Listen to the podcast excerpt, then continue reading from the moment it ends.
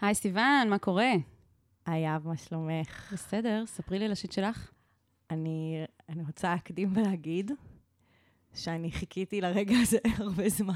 מה, לספר לי את זה? שיהיה לי את הבמה לדבר על ה... אני לא אפילו... זה לא בדיוק השיט שלי, זה גם השיט שלי, אבל זה התשוקה שלי אוקיי. בזמן האחרון. אג- דברים שאת מסתירה ממני כדי לא לעשות לי ספוילרים מה- מההקלטות, אז אני את. שלחת לי על זה גם הודעה. היית כזה, היי, מה זה, זה נראה נחמד. ואני כזה, אני אספר לך הכל, זה טריגר. זה טיזר בשבילך. אוקיי. אוקיי, רגע, אני עושה זה. את לא שמת לב שהכנסתי את זה לחדר. וואו, וואו, יש פה, תשמעו, מעשה קוסמים יש פה. את זוכרת שהעליתי תמונות של זה? נכון, ואז אמרתי לך, מה זה? ואז אמרת לי, אני אספר לך הכל בפודקאסט. אוקיי, אז כל מי שלא רואה אותנו, שזה כולכם, אנחנו נשים אה, בסטורי, תעקבו אחרינו באינסטגרם, נשים אה, תמונה. אוקיי, של הספרים של אה, עוצר נשימה, שבאנגלית זה Heartstopper, וזו סדרה שיצאה עכשיו בנטפליקס לפני כמה חודשים, והיא בעצם מבוססת על קומיקס, שכתבה אותו אליס אוזמן, שהיא אישה גאונה, שהתחילה לכתוב את הספר הזה בערך בגיל 16. די. והיום היא בת 27, והסדרה כאילו יצאה, והיא אישה גאונה, והיא מדהימה, והיא מרגשת אותי. והסדרה וואו. היא אה, בעיקרון על אה, שני נערים שמאוהבים, אני רואה. שמתאהבים. או, והיא היא יושבת לי בלב על הרבה מקומות של אה, אהבה לאהבה, אהבה ל... כאילו, זה גם מאוד מתחבר באג'נדות שלי. הסיפור הוא סיפור חיובי, הוא לא, כאילו, מן, אפשר להתמסר אליו מבלי לפחד שעכשיו משהו יתמוטט כזה, משהו Mm, זה. עכשיו, אבל השיט שלי זה כאילו מעין כזה, אוקיי, זו סדרה ממש מדהימה, כולכם תלכו לראות. השיט שלי זה המערכת יחסים שנהייתה לי עם, ה, עם היצירה הזאתי. כאילו, קחו כזה, תגלשו בזמן כזה, שהי, לא יודעת מה, ראיתם, ראיתן המורדים, או כזה הארי פוטר, או לא יודעת, כל אחד וה... לא יודעת, מה היה היצירה שאת כאילו היית אבססת עליה כשהיית ילדה? וואי, וואי, אני מנסה להיזכר, אני אזכר ואני אגיד לך. אוקיי. סבבה. אז, אה, אז נהייתי כאילו ממש אובססיבית, אבל בעצם יש לי, יש לי דילר ל- להתמכרות הזאת. קוראים לו מיכאל מנאי. מיכאל,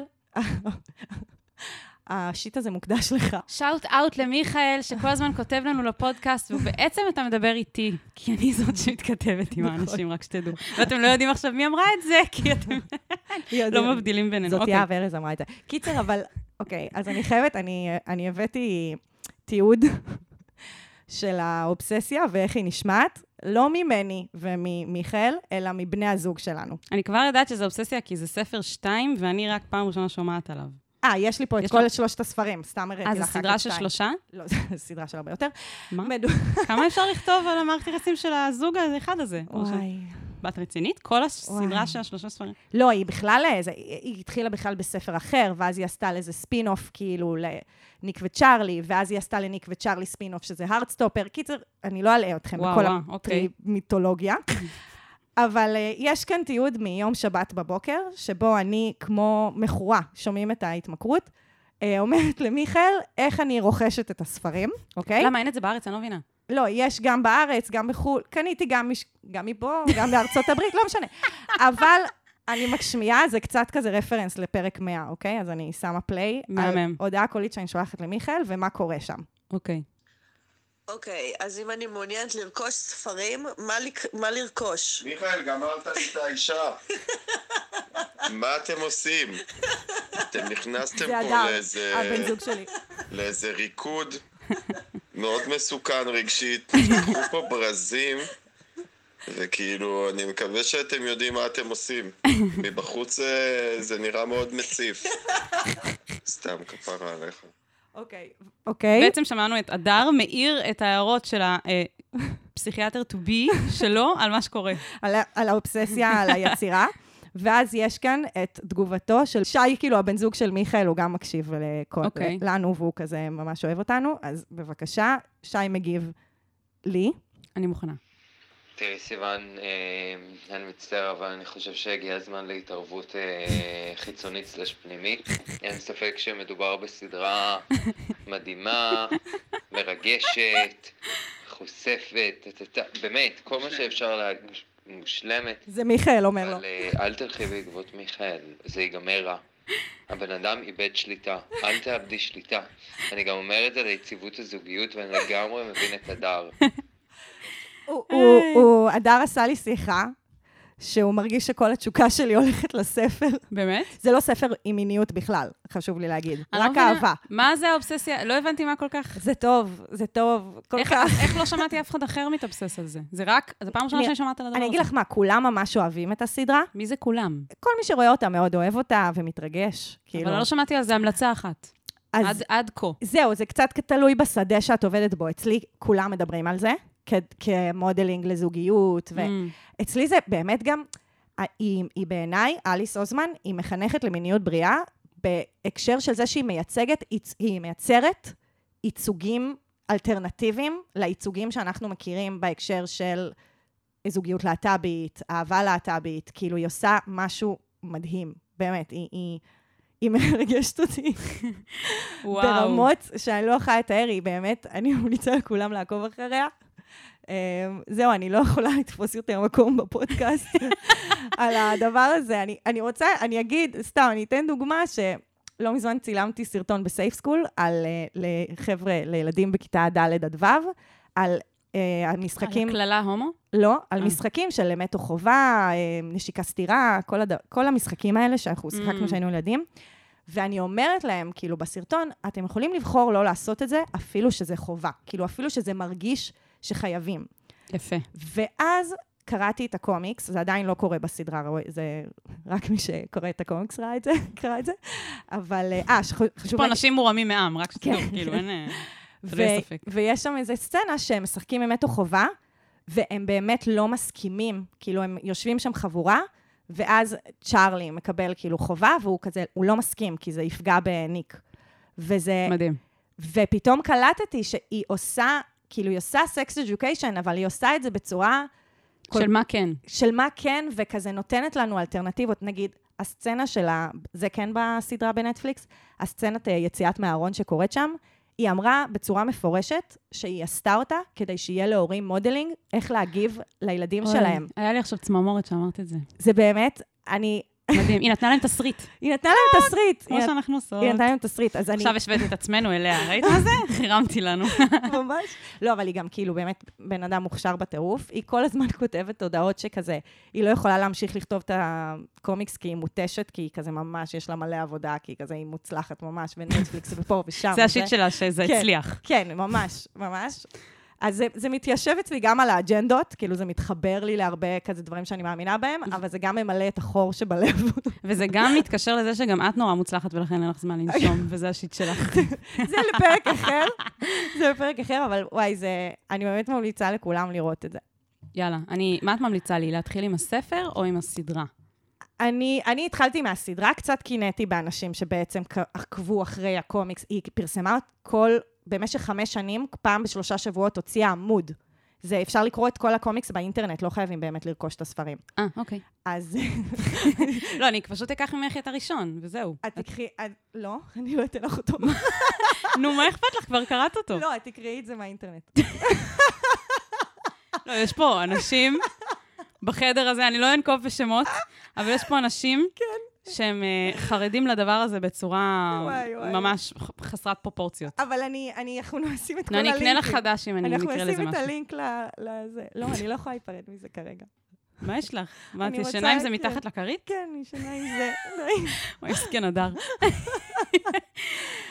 היה כיף, תודה תודה. ששיתפת אותי. תודה שתמכת עכשיו, בי. ב- באיחור של חודש, אני יודעת מה זה הספר הזה, ואני יכולה להיכנס גם לטרנד, לש- לשגעת. תצטרפי. עכשיו אה, תספרי לכל מי שיצטרף אלינו. לאן הם הגיעו? כן. טוב, אז פה זה לא המלצות על ספרים וסדרות. אמ, פה זה שיט של אחרים, עצות לחיים עצמם. אה, זה פודקאסט שבו אני, יהב ארז, ואיתי סיוון לוטן, נותנות לכם עצות. אתם כותבים לנו באנונימיות על השיט שלכם, ואנחנו אומרות לכם מה אנחנו חושבות שכדאי לכם לעשות, בתקווה שבניגוד למה ש... איך קוראים לו, אמר לך? הבן זוג של שי. שי, בתקווה שבניגוד למה ששי אמר, שניסה לעשות לך אינטר- אינטר- אינטרוונשן, אמ, אז אנחנו בתקווה שכן אתם תקשיבו לעצות שלנו, ולא תמשיכו להתנהג כמו מכורים, כמו סיוון. ומיכאל, אנחנו שנינו. ומיכאל, כן. הוא גר, חשוב לי להגיד, הוא גר באוסטרליה, אנחנו מתכתבים כל בוקר שלי וכל לילה שלי. יואו. קמים בבוקר, שולחים תמונות, שולחים רפרנסים, יואו, שולחים יואו, ציטוטים, יואו. שולחים אה, משהו מהטוויט, אה, מהטוויטר, משהו מהאינסטגרם, משהו וואו. מהטיקטוק, כל היום, רק כמו גרופים אמיתיים, אשכרה. על זה, כאילו, רק על זה. רק וואי, על זה. זה ממש קיצוני, סיוון, אין לך זמן לזה. מדי פעם אנחנו מדברים קצת על עצמנו, אבל זה, המצע, זה. המצע. אהבתי מאוד. זה כיף, יש לי גם חברים כאלה שאנחנו מדברים על איזה משהו אחד באובססיה, וזה הקשר כן, שלנו. זה מדהים. מדהים. טוב, אז אה, נתחיל? נתחיל. אני ממש צריך את ה...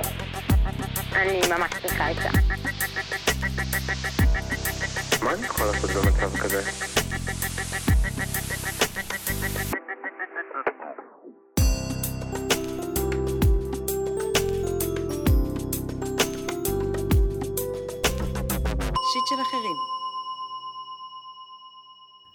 רוביזון קרוזו, אין גיל. אז התחלתי שנה שעברה ללמוד באוניברסיטה, ובמהלכה הכרתי מישהי מאוד חמודה שלומדת איתי בתואר, שאפשר לומר שסוג שנדלקתי עליה. ובאיזשהו שלב החלטתי לפנות אליה, והיא בתגובה אמרה לי שזה מחמיא לה, אבל היא לא חושבת שזה מתאים מבחינתה. הקטע הוא שעד אז לא היה בינינו ממש קשר בתור חברים ללימודים, אבל מאז דיברנו די הרבה, ונעזרנו אחד בשנייה, ואומנם הקשר הלימודי הזה שנוצר היה בעיקר יוזמה שלה, אבל אני זרמתי עם זה, במחשבה, בסוגריים קצת ילדותית יש לומר, שאולי זה יעזור לי בסיכויים שהיא תתחרט. העניין הוא שאנחנו מתראים המון, והגעתי למסקנה שלמרות שלבינתיים קיבלתי את זה שהיא לא רוצה אותי בתור בן זוג, עדיין יש לי רגשות כלפיה, ולכן נורא קשה לי עם זה שהיא תמשיך להיות ידידה שלי. ולכן אני מרגיש שלהמשיך להיות קרוב אליה, גם בקטע חברי, פוגע בי מלהתקדם ולהתחיל קשרים עם בנות אחרות. מצד שני, להגיד לה שאני רוצה שנתרחק גם יוצר בעיה. גם כי אני, לא בא לי לומר לה שעדיין יש לי רגשות כלפיה, וגם כי בסוף, בשנתיים הקרובות, עד סוף התואר, נראה אחת את השנייה המון בלימודים. וזה ייצור סתם מתח ואווירה ממש לא נעימה. איך הכי טוב לסיים את החברות איתה כדי שאוכל להתגבר עליה? רובינזון קרוזו היקר. קודם כל, אני ממש מזדהה איתך, אני הייתי בסיטואציה הזאת המון פעמים. אשכרה? כן, אה, תתפלאי, זה גם קורה לנשים. לא, ברור. כאילו, לא, כן. להיות תקועה עם אה, מישהו כאילו. שאת בעניין שלו. את לא מבינה, וואי. כמה פעמים זה קרה לי. אמ, וגם אני חושבת שהרבה אנשים מזדהים איתו. לא, בטוח שהרבה אנשים מזדהים איתו. זה... זה, זה פשוט נראה לי, אני ממש שמחה שכתבת לנו, כי זה סוגיה שבאמת, כאילו, אנשים מתמודדים איתה, לפעמים אפילו יותר מפעם, פעמיים בחיים, וזה זה קשוח. וצריך קצת איזה חיזוק משיט של אחרים. לגמרי. אה, אני אתחיל בזה שאני אגיד, הוא אמר, זה ייצור מתח ואווירה לא נעימה. קודם כל, כבר יש עכשיו מתח ואווירה לא נעימה, צריך להכיר בזה אצלך בפנים, יש מתח ואווירה לא נעימה, אבל מן הסתם זה נכון. ככל הנראה מוקרן גם החוצה, בין אם היא שמה לב לזה או לא, בשלב מסוים היא תשים לב לזה. כאילו, המתח הזה שאתה מנסה להימנע ממנו, הוא לא באמת אה, ייעלם ויתפוגג. כן. צריך אה, להתחיל מזה שכבר המצב הוא שיש מתח, אז אם אתה מפחד שיהיה מתח, אל חשש, הוא כבר כאן. זה רק עניין של לעשות עוד קצת בווליום של המתח, כדי בסופו של דבר להוריד אותו לגמרי. כאילו, את אומרת, אין מה להימנע, כי בסוף זה כבר קיים. כן, אנחנו כאילו בדרך למעלה בהר, אנחנו מטפסים כבר למעלה, ואת כאילו מפחדת להגיע לפסגה, כי בפסגה קשה לנשום וקר ו whatever, אבל יאללה, את כבר בדרך למעלה, ובסוף... וגם פה קשה לנשום, וגם כאן קר, וכאילו... כן, ואת את עולה למעלה כדי שתוכלי לעבור ולהגיע לצד השני, ולרדת ולחזור כאילו ל... למקום זה היה שיש בו מטאפורה יותר- ברורה? כן, כן, כן, זה הטוב. כן, אתה, אתה בטיפוס עכשיו, כן. וקשה, ואין לך ברירה, כאילו, מה שאני מנסה להגיד זה שהמסלול הוא כזה שאין ברירה אלא להגיע לפסגה כדי, זה מבחינת, כשאני אומרת להגיע לפסגה, כן, הבנתי. יש לי מטאפורה, יש לי מטאפורה יותר אחרת. מוצלחת. לא, לא, לא. כאילו, זה דרך אחרת להסתכל על זה, אני אגיד. שבעצם מה שהוא מפחד זה האזורי ביניים האלה. כאילו, בעצם הם כבר היו באיזשהו אזור ביניים, הוא אמר לה שהוא רוצה אותה, היה מביך, נכון. ואז הם כאילו עברו את זה, והם עברו לאיזשהו phase כזה שהם חברים. עכשיו, שלא טוב לו בעצם ב phase הזה, ואז הוא צריך לעבור עכשיו עוד... עוד, עוד אה, לא נעימות, כן, כן, בשביל עוד ה phase שלב הבא. ביניים של כזה חוסר נעימות ומבוכה, ו... אבל כאילו, בעצם כדי שיקרה שינוי, אנחנו חייבים לעבור במצבי ביניים. Mm, והמטאפורה, מעברים כאלה. זהו, המטאפורה זה הרגע שבו אנחנו נרדמים. כי אנחנו לא ערים ואז נרדמים. אנחנו Mm, ערים, ואז יש את השלב ביניים, הוא בלתי נסבל, לפחות עבורי. מאוד קשה ברגעים האלה. כי את מתה להירדם, את כזה, האם זה יעבוד, האם זה יעבוד? ולא, והראש שלך קודח, וכל כן. היום נכנס, והחרדות, והזה, וכאילו, יש שם, המרחב ביניים שלה לפני השינה, הרבה אנשים, הוא, לא בא להם בטוב, בוא נגיד. מצחיק, מצחיק. אף אחד לא כזה, הו, איך אני מחכה לרגע הזה לפני שאני נרדם? לא. אני מחכה להירדם. אבל לא לרגע הזה בין לבין. אז כאילו, זה, זה מצד אחד, זה מאוד מובן שאתה רוצה להיות כבר אחרי, כמו אצל יהב אחרי הפסגה, כמו אצלי כבר בשינה, או כאילו ברוגע, באחרי, אבל זה בעצם עובר דרך חלקים לא נעימים. לא נעימים, נכון. ואני גם אה, רוצה לציין שהוא כבר עשה, כמו שאמרת, הוא כבר עשה את זה פעם אחת, הוא עבר בחלק המעברי הזה, אז הוא יודע כאילו איך זה מרגיש, והוא יודע שזה לא פשוט, ו- ובאמת, זה כבר, כאילו עשית את השלב הזה איתה, וזה טוב נכון. שעשית את זה, וזה מראה על כאילו מודעות ועל בגרות ודברים כאלה, מהמם. אז אתה יודע שאין כל כך ברירה אלא לעשות את זה, כמו שאז לא הייתה ברירה אלא לנשום עמוק ולהיכנס עם הראש למים כזה, עד, ש... עד שיעבור זעם כזה. כן. ובסוף זה יקרה. כאילו, כמו שאז היה קצת לא נעים ואז זה עבר, אז גם עכשיו יהיה קצת לא נעים וזה יעבור, אבל זה מה שאתה צריך לעשות בשביל ה-well-being שלך, כי מי כמוני יודעת, אני הייתי בשלבים האלה בדיוק בסדר הזה גם, אני לא סתם אמרתי שאני מזדהה. כאילו, השלב הזה שאתה אומר, טוב, אז נהיה ידידים. שאת אומרת, טוב, נהיה ידידים, כן. ואז בעצם מסתבר שלהיות ידידים עם הבן אדם הזה, זה לא נעים לי. כן. כאילו, כי עדיין יש זה את המתח כאילו הזה. לרמות את עצמך בעצם. כן, אמרתי לעצמי, טוב, אז בסדר, אז נהיה ידידים, כי אני עדיין רוצה את הקרבה של הבן אדם הזה, כי אני נורא נה- נהנית בנוכחותו, אני נורא נהנית זה- לבלות איתו. אבל זה פוגע בך בעצם. כן, כי עדיין הדחייה היא טריה. ולא. וגם נראה לי שכל פעם שיש אינטראקציה והיא חיובית, אז מתחילות להתפתח תקוות. תקוות שווא כאלה. כן, ויש כזה, ו- ומתפתחות עוד גם, מתפתחים עוד רגשות. כן. שרציתי להגיד, מצד אחד הוא אמר, ילדותית יש לומר, אז אני לא חושבת שזה ילדותי, אני חושבת שזה אנושי. אני חושבת וואי, שכולנו ממש, מכירים את ההרגשה הזאת, לא משנה באיזה גיל. ממש. אני לא חושבת שזה ילדותי, כמו שזה מין אה, משהו שמופיע לנו כזה בגוף, שאנחנו מרגישים אותו, אבל אנחנו יודעים בראש שבתכלס זה לא, זה לא הדבר הנכון. אני אגיד מה הוא אמר שהוא ילדותי, כי אולי הם כבר לא זוכרים. אה, שהוא היה, שהוא כאילו אה, מפ- המשיך את הקשר הזה, שהיה בעיקר ביוזמה שלה, אבל הוא זרם במחשבה שאולי זה יעזור, לה, זה יעזור לו בסיכויים שהיא תתחרט. שזה נכון. החלק הבא שרציתי להעיר עליו. שאני רק רוצה להגיד שהעניין הזה של אה, לקוות שמישהו יתחרט ולהמשיך להיות ידיד שלה בשביל זה, זה טעות מאוד נפוצה של המון אנשים. וכאילו, כלל ברזל בחיים, זה נראה לי לא להיות בתודעה שמישהו יתחרט על, על משהו שהוא כבר החליט. אוקיי. במובן הזה של כאילו, האם הוא בעניין שלך או לא. אם מישהו כן. אמר שהוא לא בעניין שלך, להרגיש שאולי הוא ישנה את דעתו, זה משהו שהוא, הוא- זה סוג של, זה תקווה שאולי מחזיקה לפעמים, אבל זה בסוף מביא אותנו למקומות לא טובים לעצמנו. עם עצמנו. כן. כן, לגמרי. כן. תראי, אני, ב- כאילו, כשאני קראתי את זה, היה לי מחשבה ש... וואלה, יש מצב. לא, האמת שלא חשבתי אנחנו אוהבים לחשוב. כן, אני, אני גם לא חושבת שהמילה חרטה היא נכונה, אני נכון. חושבת שיש מצב שהיא תגלה רגשות כלפיו.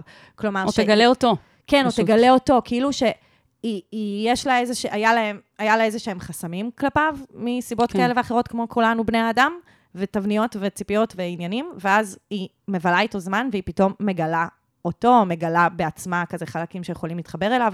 אז כאילו זה לא, אני חושבת שזה לא ילדותי, כי יש בזה גם, שמענו סיפורים. כן, זה פשוט הסיכויים מאוד מאוד נמוכים, וזה מאוד מאוד נדיר, הדבר הזה.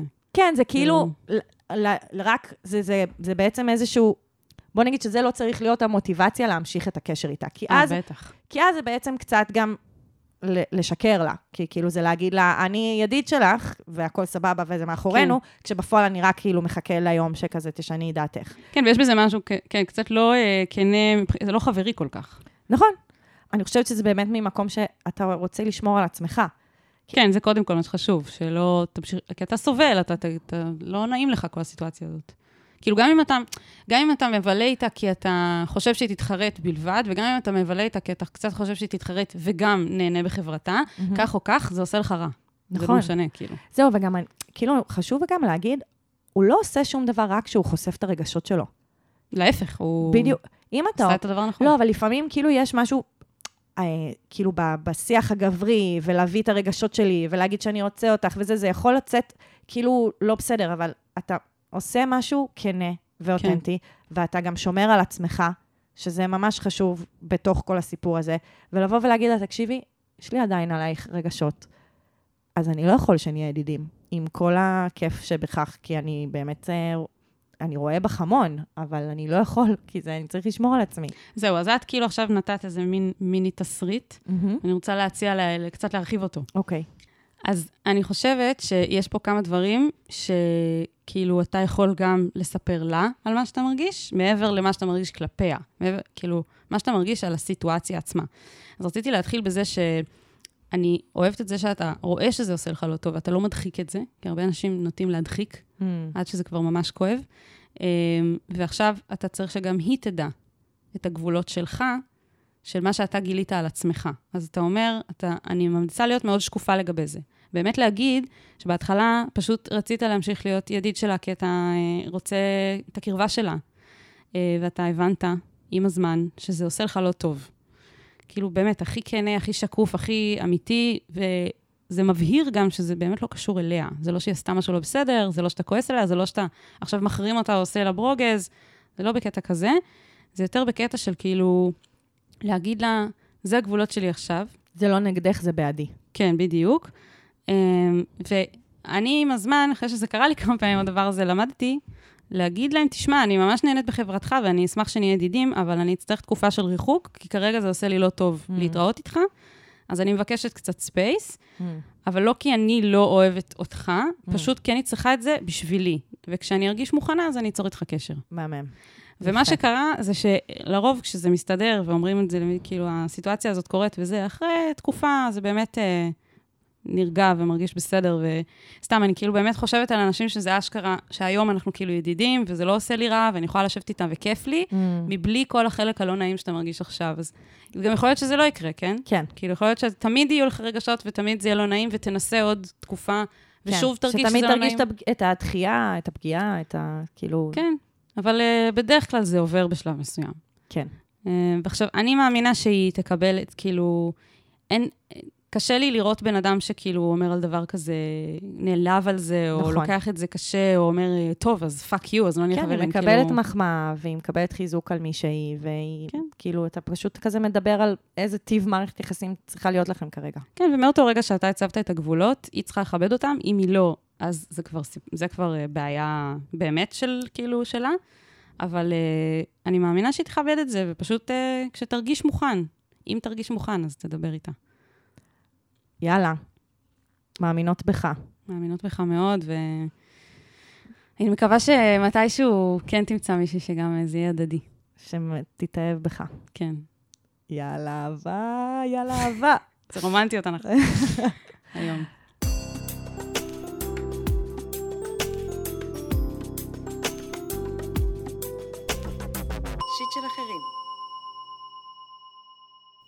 אז הפנייה הבאה שלנו היא מסיגי, בת 26.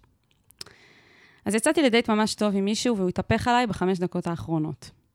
דיברנו כמה ימים, הכל היה ממש טוב וזורם, הוא הציע דייט ונתן לי להרגיש הכי בנוח עם זה. שום דבר לא היה מביך, והוא עשה את זה הכל כמו שצריך. הזמין מקום, אסף אותי מהבית, באמת עשה את כל הדברים שצריך לעשות. התרשמתי ממש לטובה, בדייט ראשון גם אכלנו בשר כמו איזה שני קרניבורים, ועדיין שמרתי על נשיות, היה ממש טוב. אחר כך חזרנו לעיר ולא רצינו לסיים את הדייט, אז ישבנו בפארק ליד הבית של ההורים. באיזשהו שלב זה כבר היה ברור שזה הולך לנשיקה, אבל הרגשתי קצת לא בנוח עם זה. בכל זאת, אני מכירה אותו רק כמה ימים, עוד לא פיתחתי רגשות. בקיצור, יזם ונשק אותי יחסית ארוך, למרות שהייתי מובכת מהסיטואציה וזה הרגיש לי קצת טכני. אם הייתי מכירה אותו יותר, זו הייתה יכולה להיות נשיקה מדהימה, אבל באמת שזרמתי. בקיצור, בסך הכל בסדר. אחרי דקה אולי הוא התפלפ, אמר לי, אה, וואי, אני צריך לקום מחר ב-6 בבוקר, יאללה, נתקפל. קם מהספסל והלך איזה מטר לפניי הכי מרוחק שיש, והחזיר אותי הביתה, והבן אדם היה מוזר ברמות. לפני שירדתי מהרכב, היה לי רגע שהתמהמהתי ואמרתי משהו על הרדיו או משהו בסגנון, אז הוא אמר לי, יאללה, תשמעי רדיו בבית. ירדתי מהאוטו והרגשתי כאילו מישהו העיף אותי. הרגשה של מה the fuck קרה פה עכשיו. מבן אדם שתמיד היה יוזם את ההודעות והשיחות, ויחסית היינו מדברים הרבה, למחרת כלום. אז התלבטתי אם כן או לא, ובסוף שלחתי לו הודעה בערב, מה איתך? והוא ענה הכי יבש, היי, הכל טוב, מה קורה? אכלתי על זה קצת שריטה. אם לא הייתי מכירה את ההורים שלו ויודעת שהם אנשים טובים, הייתי כבר חוסמת אותו. בקיצור, כולם שואלים אותי על זה ואיך היה, ואני לא יודעת מה להגיד. אף פעם לא קרה לי דבר כזה אחרי דייט. תמיד הם היו מעוניינים, וחוץ מזה שגם הוא היה מעוניין. כאילו, מה קרה אחרי הנשיקה? לא הצלחתי להבין. אולי הוא בתול? מרגישה כאילו אני לא בסדר או שעשיתי משהו לא טוב. מהצד שלו הוא לגמרי אדיש וזה מעצבן אותי. יש מצב שהוא משחק איתי משחקים, לעשות עליו איקס, או שלנסות להבין מה הסרט. לדעתי הייתה פה אי-הבנה כלשהי, ואני באמת שוברת את הראש ולא מצליחה להבין מה היה שם. איך בן אדם מתהפך ככה? קודם כל, אני משתתפת בצערך, כי אין דבר יותר גרוע מדייט גרוע. וואי, זה, זה כל כך לא, זה כזה לא כיף. כאילו, אנחנו יוצאים להכיר אנשים, וללה, לה, וזה, וכאילו, הדייט לא כיף, זה כזה, זה, זה מעכב את הדבר הבא. זה כזה, אוי, אין לי כוח, זה, זה להתמודד עם האפטר טייסט של הדבר הזה. ממש, ו, ונראה לי, כאילו, נראה לי שהדבר שהכי מביאה אלינו פה, בתוך ה... כאילו, זה טקסט ארוך, גם ערכנו אותו קצת וזה. כן, ו- הורדנו קצת. נראה לי שהדבר שהכי קשה זה החוסר ודאות. כאילו, זה התחושה שמשהו שם נסתר מעינייך, כן. ושאת לא מצליחה להבין מה נסגר. כאילו, זה קצת מזכיר לי את הפודקאסט אה, בנות של אה, רעות, שהיא מתחילה הרי כל פרק כזה בסיפורי דייטים הזויים כאלה. נכון, נכון. אז זה מאוד... אני חושבת שלא במקרה, אה, הרבה דייטים ראשונים משאירים אותנו עם חוויה של הזוי, עם חוויה של מוזר, כי... של, של חוסר הבנה של מה היה. כן, כי זה לא סתם, זה באמת ככה שהנסתר רב על הגלוי במפגשים הראשונים. ואנחנו, בעיקר בדייט ראשון, כאילו יש בדייט ראשון כללים וחוקים וציפיות ותבניות והתרגשות, וכאילו יש כל כך הרבה, וגם אנחנו לא מכירים את הבן אדם. כאילו זה גם כל התסריטים שנכנסים איתנו, ואנחנו גם לא מכירים את הבן אדם, אז זה לא לגמרי מאפשר לנו גם להיות כנים, או, או אה, בגלל שאנחנו רק עכשיו מכירים, אז אנחנו לא באמת יכולים לפתוח את כל ה... כאילו רגשות שלנו ו- ו- וכל הדבר הזה, וכאילו השורה התחתונה שלי, זה שזה לא באמת משנה כאילו מה קרה שם, because it's not about you. כאילו, כן, ברור שיש שם משהו שהוא, הוא, משהו שם לא סבבה איתו. מתמודד עם משהו, לא יודעת, אה, היה לו סיטואציה... לא, לא ברור, ואנחנו כנראה גם לא נדע. נכון, אני גם לא חושבת שהדגש צריך להיות על זה. נכון. כי אם אנחנו עכשיו, נ, כאילו נתחיל כזה להתפלפל, אולי, אולי הוא בתול, אולי הוא, יש לו חרדה מאינטימיות. כן, זה יכול להיות מיליון דברים. בדיוק. ומה מה שחשוב שתביני, זה שזה לא אומר עלייך כלום. כן. כי את פוגשת בן אדם, וכשיש מפגש כל כך uh, ראשוני, את יודעת, את, את, uh, את עדיין, את רק ייצוג של משהו. את עדיין לא הבן אדם שאת. כלומר, הוא עדיין לא באמת הכיר אותך כדי נכון. שמשהו שם יוכל להיות זה. זה העניינים שלו, זה הקשיים שלו, זה האישיוס שלו, שאת בעצם חווה אותם כהזוי, מוזר, אה, התהפך. מתהפך, כן. כן. אני רוצה להגיד שיש פה, לדעתי בפנייה הזאת, למה אני אוהבת אותה? כי היא כביכול על משהו די פשוט, כאילו יצאתי לדייט, היה הזוי, מה נסגר שהוא ככה מתהפך, וכאילו אני מנסה להבין, אבל בתוך הפנייה עצמה יש מלא מלא דברים ש, שאני חושבת ששווה לדבר עליהם. נתחיל מזה שאינטימיות, אוקיי? כן. היא דיברה על זה שבעצם הוא נשק אותה, והיא כאילו לא באמת הרגישה שהיה, שהם הגיעו. לרמת אינטימיות של נשיקה, כן. ואני מאוד מאוד מזדהה עם זה. אני חושבת, בעיניי, וזה גם לא נדע לעולם, שגם הוא הרגיש לא באמת מוכן, אבל הוא הרגיש שיש איזו ציפייה חברתית, שכאילו בסוף לגמרי. הדייט, אז אה, אנחנו יושבים על ספסל בפארק וחשוך וזה, אז התסריט המיני. כן, בדיוק, מה שאנחנו מדברות על זה כל הזמן.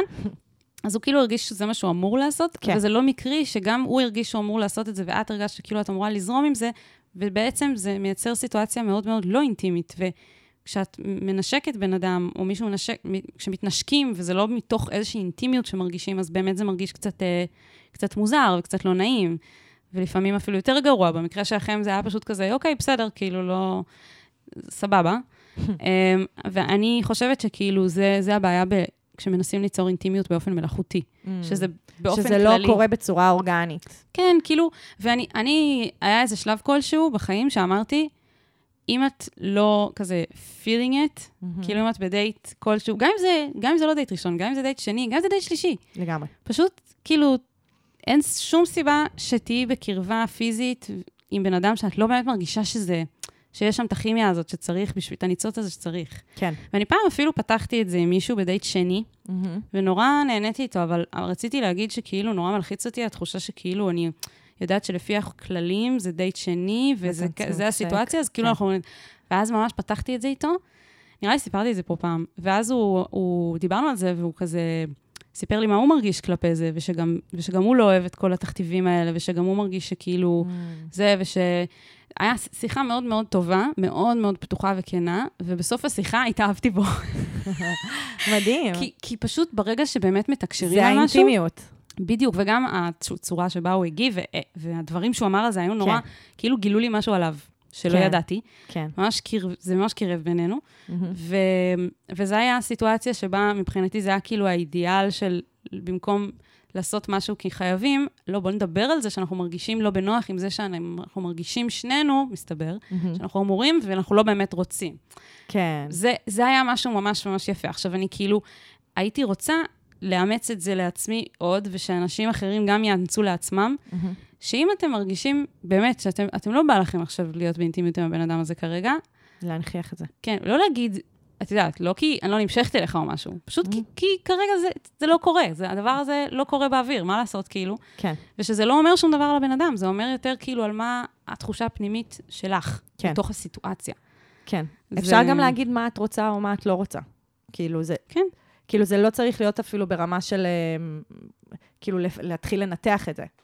כן, ואני חושבת שגם, כאילו, יש פה איזושהי... אה, השוק של כאילו, מה קרה, לא הבנתי, הכל היה סבבה. בעצם אני רוצה להצביע לך על כמה דברים בדרך, שזה לא הכל היה סבבה. היו נכון. סימנים מקדימים. להת- בחוויה שלך, כאילו. כן, בחוויה שלך וגם בחוויה שלו.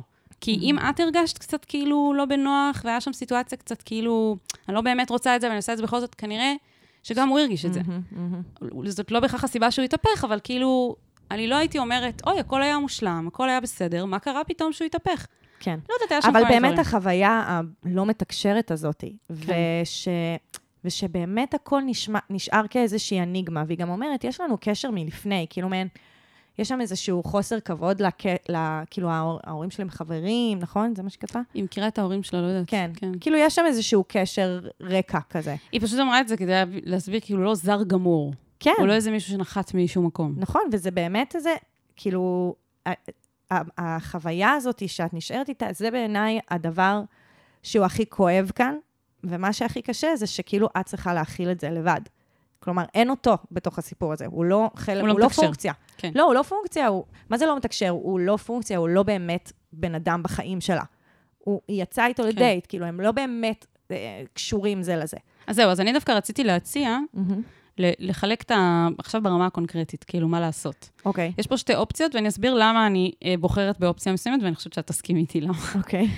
יש פה אה, שני דברים שיכולים לקרות. או שאת מבקשת לדבר איתו בטלפון ולנסות לשאול אותו מה קרה, או שאת פשוט חותכת ושמה את זה מאחורייך. כי מעבר ללנסות לקבל תשובות, את לא תקבלי פה כלום מהמשך האינטראקציה הזאת. בעצם, מה שאת רוצה עכשיו, את לא באמת רוצה עוד אינטראקציה עם בן אדם. הוא גם מתנהג בצורה קצת, כאילו, לא נעימה, כן? להגיד כן. לבן אדם, תשמעי רדיו בבית. זה לא יפה, כאילו... אה, ממש. לא הייתי רוצה להמשיך שום לא קשר סבבה. עם הבן אדם הזה בכל מקרה, לא משנה מה. כן. ומה שקורה פה זה רק הסקרנות של מה, מה באמת קרה, מאיפה הוא פתאום התהפך ככה. כן. וזה לי נשמע כן. שהוא לא כזה אשף תקשורת, מה שנקרא. הוא לא איזה, הוא לא כאילו בן אדם הוא לא בטוח יוכל להכיל את השיחה הזאת של כזה, היי, מה קרה? ו... כן, הוא, הוא כנראה, אם את באמת תבקשי דבר כזה, או שהוא יתחמק, או שהוא יגיד בשיחה משהו וימציא, לא יודעת מה, כאילו, לא, לא מרגיש פה שיש כנות ותקשורת. למרות שהיא כאילו אומרת שמלפני כן היה. אז זהו, אז אני הייתי רוצה רגע לשים סימן שאלה על מהי תקשורת וכנות, ומה ומה הם הם- דברים שהחברה אומרת לנו שככה צריך להתנהג. Mm. שאנחנו צריכים, אה, את יודעת, גם לענות לך להודעות או להתקשר, זה לא אומר תקשורת או כנות, זה אומר נכונות ו- ושזה מעניין אותו, שהוא ולעשות בעניין. פעולות, כאילו. בדיוק, זה לא, זה לא אה, שווה ערך לתקשורת וכנות. Mm. צריך להבדיל בין השניים. כאילו, כן. זה שמישהו לפני הדייט הראשון נורא מתרגש ואומר, הנה מישהי חדשה, מרגשת אותי, לא יודעת מה, ואז הוא עושה את המאמצים, כי, בגרשיים, לתקשר, מהמם. זה, זה שני דברים נפרדים, זה וממש לשבת ולדבר ולענות אחד לשני בכנות על, התש- על השאלות. כן. אז מעבר לזה, גם אם הוא כן היה סבבה בלתקשר, אני באמת חושבת שהאופציה השנייה היא עדיפה, כאילו, מה יש לך להרוויח פה? תשובות על שאלות שאת מי זה יעניין עוד, כאילו, חודש, חודשיים, שנה, שנתיים. כאילו לא שווה את ה-efforts, את המאמצים שלך. ו... באמת- באמת לא שווה. אבל בגלל זה אני אומרת שכאילו התסכול הכי גדול פה, הוא ה... בעצם להכיל את התסכול שלך לבד. וגם להיות בחוסר ודאות, שזה משהו שהרבה פעמים קשה לנו. בדיוק. בפני עצמו, לא, לא משנה לגבי מה. נכון. היא כאילו אומרת לעצמה, מה קרה? אני בהתחלה אמרתי, שתדעי, מהמם. כאילו, לא קרה לי דבר כזה, אבל אני חושבת שאם היה קורה לי דבר כזה, חלק מהחוסר ודאות וה, והקושי עם החוסר ודאות זה שהייתי אומרת לעצמי, רגע, רגע, ההתהפכות הפתאומית הזאת, כאילו, מה, מה כל כך אה, זה שהיה יכול להוביל להתהפכות כזאת? מה, אולי היה לי ריח רע, משהו כזה? את מבינה? כי, כי זה מסוג הדברים ש... כן, ישר השל... יודעת, כאילו, ישר ישר משליכה מה- לעצמי, כן. וגם ישר אומרת, כאילו, אולי באמת יש משהו שאני צריכה לדעת, כן? Mm. אבל אני לא חושבת שזו הסיטואציה, אני לא חושבת שיש לך ריח רע, אני לא חושבת שזה לא, הסיפור. אני באמת מח... חושבת, מאוד מאוד מאמינה במה שהתחלתי איתו. את ייצוג של משהו, זה לא את. כן. הוא יצא לדייט עם... הוא יצא לדייט. לא, גם, גם אם זה כאילו משהו שהפריע לו בך, האנשים שבחיים שלך שבאמת אכפת להם ממך, כנראה ישקפו לך אם יש משהו לא בסדר. הבן אדם הזה הוא לא מספיק קרוב אלייך כדי להיות כאילו חייב לך את הדברים האלה, את השיקופים אבל, האלה. אבל יהב, זה ברור לי שזה לא קשור. שזה לא היא? בסדר. שזה לא קשור אליה, כי שוב, שזה מערכת יחסים כל כך כל כך ראשונית, נכון. אנחנו בעיקר פוגשים את עצמנו בתוך הסיטואציה המורכבת לגמרי, הזאת. לגמרי. ועדיין, אני חושבת שגם חשוב לזכור שאנשים שאנחנו לא מכירים, ויצאנו איתם לדייט אחד, הם לא חייבים לנו הסברים. זה גם, יש את האלה שכאילו, אה, את חותכת, את אומרת, אה, כן, היה נחמד, אבל לא נראה לי ש... כאילו, לא בא לי להיפגש שוב.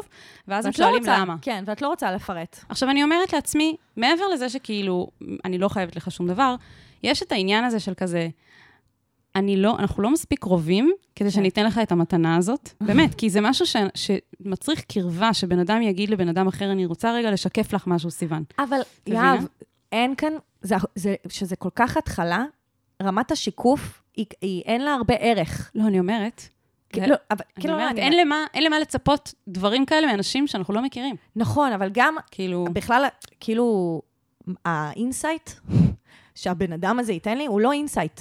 כאילו, השיקוף הזה שאני אגיד לו, תגיד לי למה אתה לא רוצה לצאת איתי לדייט, אין, לו, אין בו הרבה, כי זה קשור אליו, ולמה שהוא עבר בתוך הדייט הזה, והאישוס שלו, והדברים, הקשרים שהיו לו לפני, והחרדות שלו, והתסריטים שלו. כאילו, שוב, אני מגיעה לשם, ואני משחקת איזשהו תפקיד בתוך המחזה שלו. מהמם. ובגלל זה, כאילו, אני אומרת, הפרידה אחרי תקופה שכזה, יש איזושהי היכרות, יש בה חלקים שהם יותר באמת אישיותיים, כן, שקשורים לבן אדם השני. אבל כאילו, דייט ראשון, שהוא גם היה, כמה זה, שעתיים, לא יודעת, כאילו, אין כאן, אני לא חושבת שהיא יכולה לקבל על עצמה, כאילו, זה, זה, זה ברור למה החרדה הזאת קיימת. אין לי ספק, כאילו, אין כאן שאלה לגבי כמה זה מתסכל להיות שם. אבל באמת, אני כאילו רוצה לחבק אותך, סיגי, נכון? כן. שכזה, את ממש בסדר, וכזה, זה נשמע שכזה עברת שם הרבה, והרבה תהפוכות רגשיות כזה בתוך הדבר הזה, כן. וכל מה שכאילו מגיע לך, זה כזה חיבוק, וסדרה טובה בנטפליקס. את יכולה להקשיב לתחילת הפרק. כן, אני גם לא חושבת שיש צורך לחסום אותו. כאילו, נכון שהוא היה אה, גס רוח וזה, אבל כאילו אין מה לחסום, באמת, אלא אם כן בן אדם מטריד אותך ומנסה כן. ליצור איתך קשר ואת לא רוצה שהוא יעשה את זה, אין סיבה לחסום אנשים. אני נכון. חושבת שזה כאילו, יותר כזה מתוך מקום של כזה, קצת אה, נקמה אולי, כאילו, כן, אה, אתה... אפשר לשחרר אותו. כן, לשחרר אותו לעולם. כן. יאללה, סיגי, תראי ארטסטופר, זה, מנחם. כן, בהצלחה. אז בואו נעבור לפינה שאנחנו אוהבות, בעיקר סיוון ויהב מאוד אוהבות אותה. כן, והתגעגענו, לא, היה- לא היה אותה איזה תקופה קצת. נכון. אה, השיט שאחרי הסערה. רוח עוברת עשית כאן. אפקטים, יפה. כן.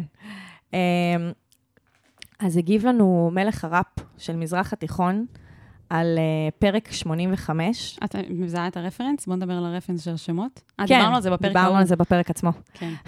רביד פלוטניק, שאוט אאוט. כן. אה, שהוא בעצם, אה, כאילו, הקושי שלו היה שהוא אה, דתי, והוא מאונן עם פורנו, אבל הוא מרגיש רע לגבי זה, ומעדיף לקיים יחסי מין עם אישה, אבל חושש מכך שאין לו ניסיון. ובואו נשמע איך הוא הגיב. אז הוא אומר לנו, רציתי להגיד שרק היום גיליתי שהעליתן את הפרק איתי, וזה היה ממש מרגש בטירוף.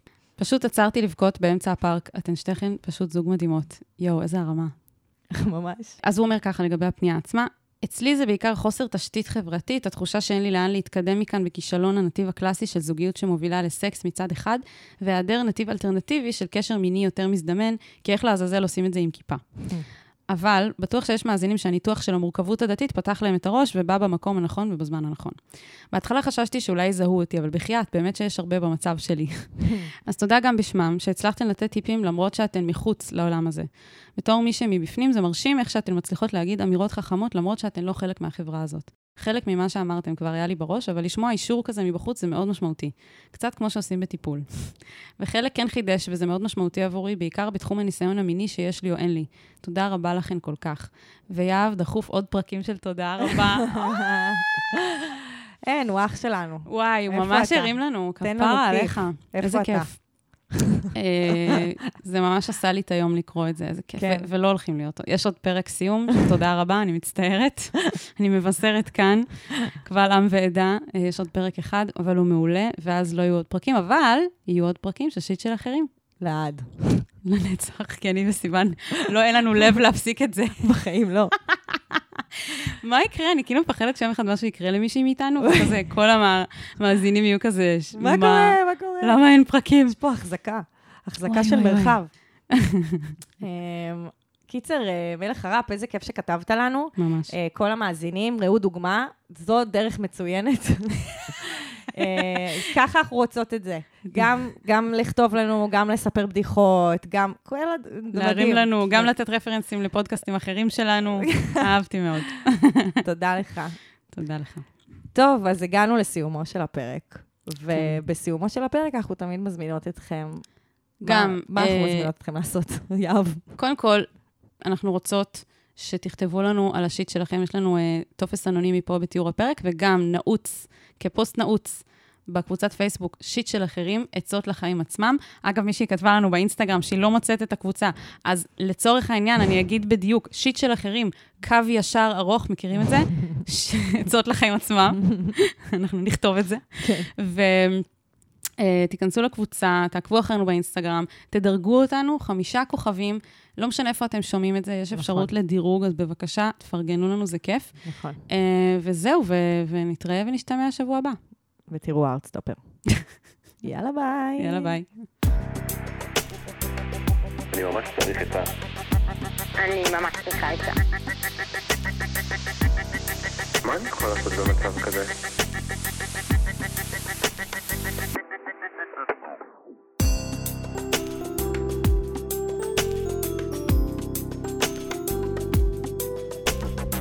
שיט של אחרים.